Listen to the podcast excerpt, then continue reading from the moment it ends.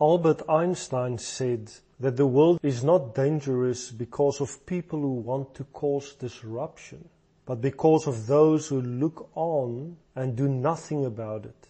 I think we are all in agreement that the world is desperate for God's love, for His healing and restoration. But do we realize that God, in His sovereignty, decided to do that in and through us? God entrusted the realization of His kingdom on earth to us, the believers in Christ Jesus. We who walk step by step behind Jesus will, through our becoming like Him, do what He did through demonstrating His kingdom principles. Jesus was a people's person and He cared for the whole person and often we see He reached out to the lost and the rejected. In every situation where there was a physical need, Jesus stretched out his hand of mercy to heal, restore, and forgive. Never did he ask how they came to find themselves in the circumstances in which he found them.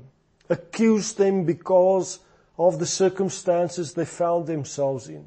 Ask them what they did in their past or how much money do they have in their bank accounts. No.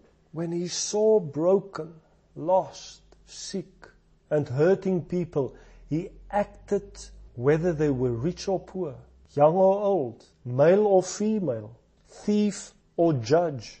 With compassion, he reached out and changed their lives. We should not separate the person's soul and spirit from the body if we want to establish the kingdom of God on earth. Jesus demonstrated that to us. And he did not just attend to a person's spirit or soul. No, he had a holistic approach to a person and he ministered to all of the person. Soul, spirit, and body.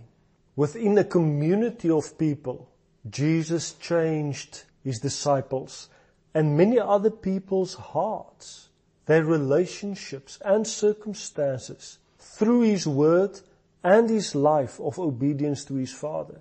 Jesus also demonstrated a lifestyle of going out and reaching out to people. He did not sit in the temple or synagogue where people had to come to him. No, he went to where the people were and his deeds were focused on restoring everything that sin and the fall of man destroyed. Take note of key elements. Community with others. The word. Obedience. A kingdom lifestyle. We discover how Jesus approached the issues around him and how he influenced his disciples to continue with what he demonstrated to them. As the disciples came to know Jesus in relationship and began thinking and acting like him, there was a natural outflow of his ministry through them and he reached out to everyone who was in need.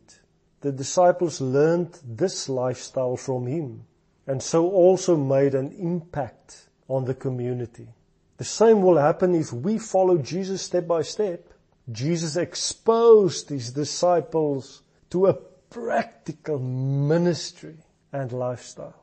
He equipped them to continue with it and he does the same with us.